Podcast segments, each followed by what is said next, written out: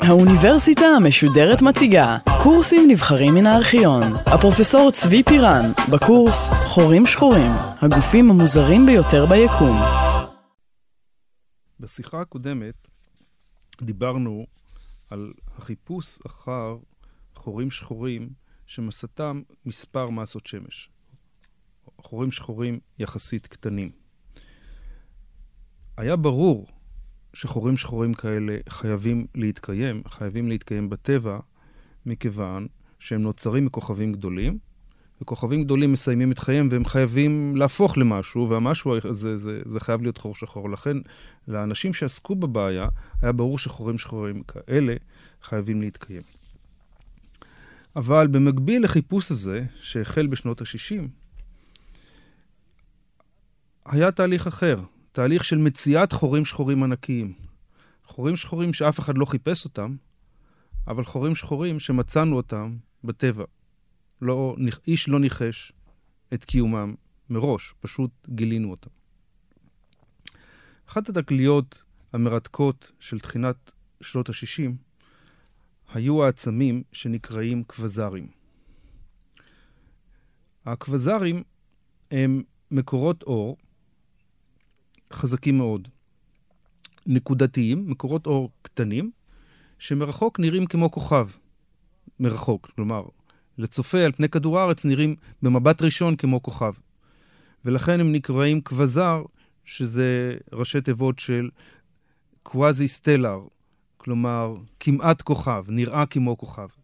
הם נראים כמו כוכבים, אבל הם, בתכונות שלהם, בספקטרום שלהם, בממדי של האור שהם פולטים, היה ברור מאוד מהרגע הראשון שהם שונים מאוד מכוכבים רגילים. ואחרי מספר שנים שבהם הייתה תעלומה ולא היה ברור מה המקור שלהם, האסטרונום מרטין שמיט אה, גילה שהאור המוזר שלהם הוא בעצם אור רגיל, אבל מוזז מאוד מאוד לאדום. כלומר, הספקטרום שלהם הוא לא נמצא בתחום הרגיל שאנחנו מצפים לו, אלא באזור שמוזז מאוד לאדום.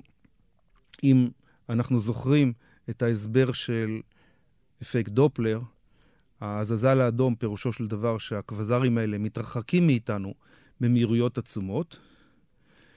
ואם אנחנו נזכרים עכשיו בדבר מתחום אחר, מתחום הקוסמולוגיה, בחוק האבל מהקוסמולוגיה, שאומר לנו שגופים, ככל שהם רחוקים יותר מאיתנו, מתרחקים, הם מתרחקים יותר מהר, הדבר הזה אומר שההתרחקות הגדולה של הקווזרים נובעת מזה שהם נמצאים במרחק גדול מאיתנו.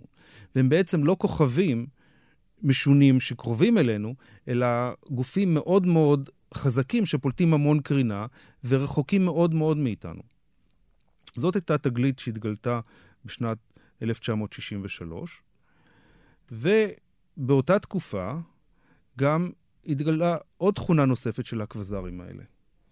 התגלה שהקווזרים משנים תוך פרקי זמן קצרים של מספר חודשים את העוצמה שלהם. העוצמה שלהם עולה, עולה ויורדת בפרק זמן של מספר חודשים. מה המשמעות של השינוי הזה? העובדה שהעוצמה של גוף, עוצמת האור שגוף פולט, משתנה אה, במשך זמן, פרק זמן מסוים, מאפשרת לנו לקבל מושג, להעריך את הגודל של הגוף. הערכה נעשית בצורה מאוד מאוד פשוטה. אם עוצמת האור עלתה פי עשר למשל, זאת אומרת שזה תהליך שכל הגוף משתתף בו, זה לא יכול להיות שרק חלק מהגוף גורם לכך. כלומר, כל הגוף צריך בבת אחת לעשות משהו ביחד. אבל בשביל שכל הגוף יוכל לעשות משהו ביחד, צריך להיות איזה טריגר שבאופן סימולטני אה, יפעיל את כל הגוף ביחד. וטריגר כזה, אה, דבר שמתחיל את התופעה, גם אם הוא קיים, לוקח זמן מהרגע שהוא הופעל ל, לידיעה שהוא הופעל להגיע לכל קצוות הגוף. האינפורמציה הזאת מתפשטת לכל היותר במהירות האור, ולכן, אם אנחנו יודעים שהאור, כמות האור גדלה פי עשר בתקופה של נניח חודש, אז זה אומר לנו בוודאות שגודל הגוף יותר קטן מהמרחק שאור יכול לנוע בחודש. אם הפרש העלייה בעוצמה הייתה תוך שנה, זאת אומרת שעוצמת האור, הגודל של הגוף קטן משנת אור. ואם ההפרש היה תוך יום, אנחנו יודעים שהגודל של הגוף קטן מיום של אור. והדבר הזה מאפשר לנו פשוט להכפיל את מהירות האור כפול מספר השניות שיש ביום או בשנה או בחודש, ולהעריך את הגודל המקסימלי של הגוף. במקרה הזה של הכבזר שאנו עוסקים בו. והסתבר שהכבזרים האלה הם גופים ממש קטנים, קטנים באופן אסטרונומי. כלומר, כבזר כזה פולט כמות אור ששקולה לכמות האור שגלקסיה שלמה פולטת. גלקסיה שלמה זה קבוצה עצומה של כוכבים של כאלף ביליון כוכבים. כבזר כזה, כל גודלו בערך פי מאה או פי אלף ממערכת השמש שלנו. מבחינה אסטרונומית, הדבר מתאר יצירת כמות אדירה של אור מתוך דבר בעל ממדים יחסית קטנים. בשבילנו, מערכת השמש נראית ענקית, אבל מבחינת ממדי הגלקסיה, כל מערכת השמש היא נקודה אחת קטנה ביחס לגודל האמיתי של הגלקסיה שלנו. לכן, כאשר התג... התגלתה, התגלו הכבזרים האלה, זאת הייתה תדהמה עצומה. איזה מנגנון, איזה דרך יש לייצר כל כך הרבה אנרגיה, לפלוט כל כך הרבה אור, מאזור כל כך קטן. וזאת הייתה הבעיה שהועמדה בפני החוקרים באמצע שנות ה-60, כשמצד אחד התגל... הסתבר מהי הכמות העצומה של האור שהכבזרים פולטים, ומצד שני, כשהסתבר כמה קטנים הכבזרים. הועלו השערות מהשערות שונות, שחלקם יותר דמיוניות מאשר מדע בדיוני, על מה יכול להפיק כל כך הרבה אנרגיה. וההשערה הנכונה היא, אולי ניחשתם כבר, הכבזרים מופעלים על ידי חורים שחורים ענקיים שסופחים חומר מהסביבה שלהם. המקורות האור העצומים האלה נובעים ממצב שבו נוצר דיסק עצום של חומר שמסתובב סביב חור שחור עצום.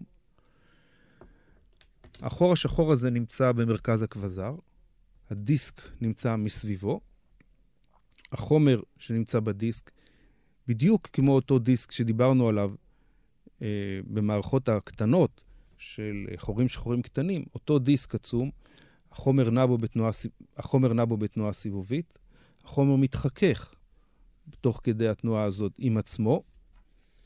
החיכוך גורם לחימום, להפסד אנרגיה ותנועה פנימה של החומר לעבר הכבזר, לעבר החור השחור אה, שנמצא אה, במרכז. הרעיון הזה עולה די מוקדם.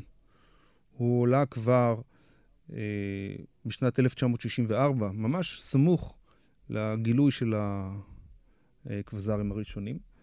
אבל למרות שמבחינות מסוימות הוא היה הכי פחות אה, דרסטי מרוב הרעיונות האחרים שהועלו, הרעיונות האחרים היו אה, הרבה יותר אה, משונים, בגלל העובדה שהוא הסתמך על חור שחור. לקח זמן, די הרבה זמן, עד שהובן שזה בעצם הפתרון אה, לבעיה. והכבזרים באמת בנויים על מנוע שמבוסס על אה, חור אה, שחור. היום אנחנו אפילו מצליחים לאשר את, ה, אה, את הרעיון הזה, את הרעיון של קיום דיסק מסתובב סביב אה, החורים השחורים שנמצאים במרכזי הכבזרים. איך אנחנו אה, מזהים את זה? איך אנחנו מאשרים את הרעיון הזה? כאשר החומר הולך ומתקרב לחור השחור שנמצא במרכז, מהירות הסיבוב של החומר סביב החור השחור הולכת וגדלה. המהירות הזאת בעצם ניתנת על ידי חוק פשוט שכבר קפלר מצא אותו אה, לפני מאות שנה. לפי, לפי אותם חוקים של קפלר, אנחנו יכולים לחשב אה, את המהירות הזאת אה, ולראות שהמהירות גדלה ביחס הפוך לשורש המרחק מהחור השחור. באזורים הפנימיים מאוד של הדיסק, האזורים שקרובים מאוד לחור השחור,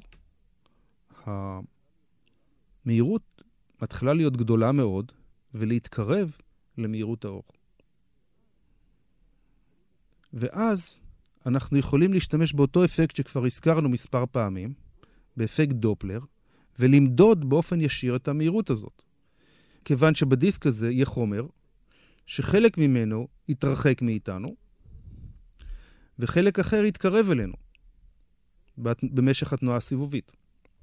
החומר שמתרחק מאיתנו, האור שנפלט ממנו ימוסך קצת לכיוון האדום. האור שיתקרב אלינו בגלל אפקט דופלר יהיה מוסך לכיוון הכחול. אם נצליח למדוד את ההסחות האלה, אנחנו נצליח להבחין בתנועה הסיבובית סביב החור השחור, ובכך לאשר את העובדה שבאמת יש לנו מערכת שבה חומר מסתובב במהירות קרובה מאוד למהירות האור סביב אה, חור שחור. אה, החישובים שמבססים את הרעיון הזה הוצאו על ידי ארי לאור, שנמצא בטכניון, ומדידות שנעשו באמצעות אה, לוויינים, אה, לוויינים של אה, גלי X, שנמצאים בחלל, באמת אישרו את הקיום של התופעה הזאת, ואפשרו באמת לראות שחומר באמת מסתובב במהירות קרובה מאוד למהירות האור, באזורים פני... מסוימים קרובים למרכז של הכבזרים. כלומר, יש לנו היום הוכחה די ישירה לתיאוריה הזאת, שנובעת מאותה מדידה של מהירות סיבוב מהירה מאוד אה, סביב החורים השחורים. מה מקור החומר שמזין את אותם אה, דיסקים, את אותם אה, מנועים של, ש, שמייצרים את הכמות העצומה של האנרגיה שנמצא, שהכבזרים האלה פולטים? הכבזרים האלה, היום אנחנו יודעים, נמצאים במרכזי גלקסיות. והחומר שהם בולעים זה פשוט גז שנמצא באזורים הפנימיים של הגלקסיות. הכבזרים מושכים את הגז הזה, החורים השחורים מושכים את הגז הזה אליהם. הגז הזה והגז הזה הוא אחראי לכמות האנרגיה העצומה שנפלטת. אפשר לנחש שבשלב מסוים החור השחור ינקה את כל הגלקסיה שנמצאת מסביבו מהגז החופשי, או לפחות את המרכז של הגלקסיה, הוא ינקה את כל הגז, יבלע את כל הגז, ואז תפסיק, תיפסק הפעילות, כי הפעילות של המערכת בתור כבזר, בתור מקור אנרגיה, תלויה בעובדה שכל הזמן נמשך חומר ונבלע חומר. ברגע שבליעת החומר תיפסק, פליטת האנרגיה תיפסק. ואומנם, אנחנו מגלים שבזמן האחרון ישנה ירידה בכמות הכבזרים שקיימת בטבע. כשאני אומר בזמן האחרון, אני לא מתכוון בחודש או בחודשיים האחרונים, אלא כאשר אנחנו מסתכלים בקנה מידה קוסמי.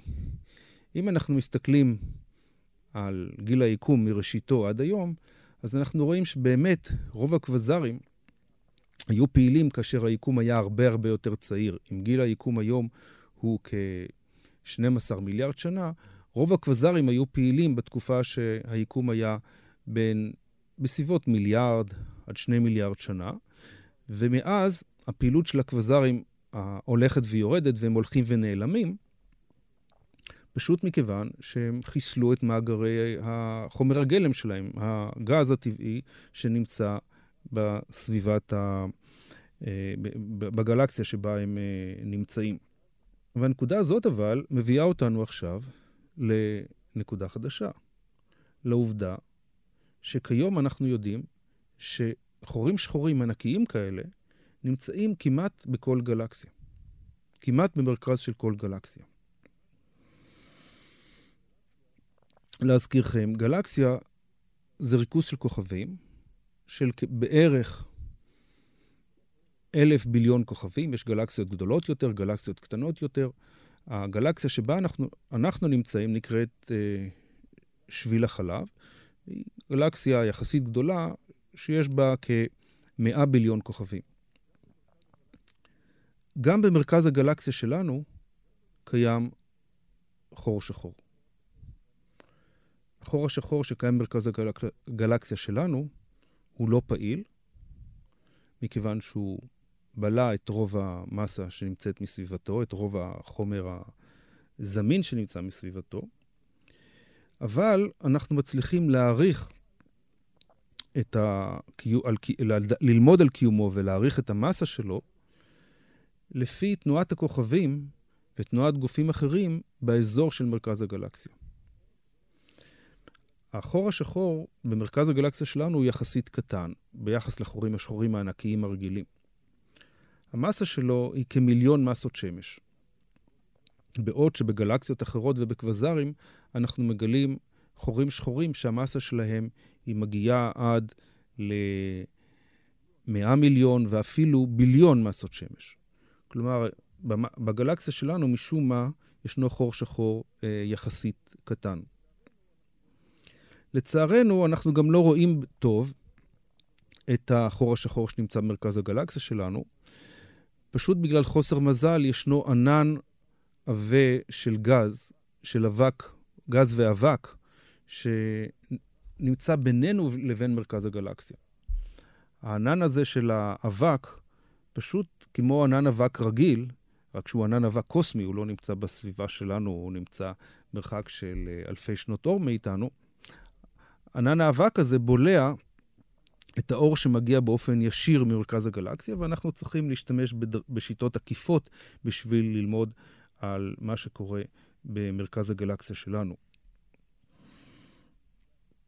אבל אחרי מעקב מדויק על תנועה של כוכבים וגופים אה, אחרים שנמצאים באזור של מרכז הגלקסיה, אנחנו מצליחים אה, להעריך את המסה וגם את המקום המדויק של אותו אה, חור שחור שנמצא בגלקסיה שלנו. החור השחור בגלקסיה שלנו, כאמור, הוא לא יחיד. כמעט בכל גלקסיה שבה אנחנו יכולים להבחין בפרטים של מבנה מרכז הגלקסיה, אנחנו מזהים היום חור שחור. הזיהוי של החור השחור, כיצד אנחנו יודעים שישנו שם חור שחור? הזיהוי של החור השחור נעשה לפי תנועת הכוכבים במרכז הגלקסיה. הכוכבים נעים בהשפעת כוח המשיכה של החור השחור.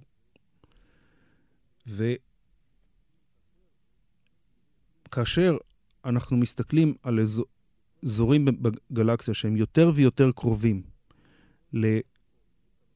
לחור השחור שנמצא במרכז, אנחנו רואים שהשפעת החור השחור היא יותר ויותר גדלה, ועל ידי מדידה מדויקת מאוד של מהירות הסיבוב של הכוכבים האלה, בשיטה שקצת מזכירה את השיטות שהזכרנו קודם בתוך דיסק הספיחה, אנחנו מצליחים להבחין באפקט של המשקל העצום של החור השחור שנמצא במרכז הגלקסיה הזאת. ובאמצעות האפקט הזה אנחנו יכולים להעריך את המסה ואת המשקל של החור השחור האלה, החור השחור הזה.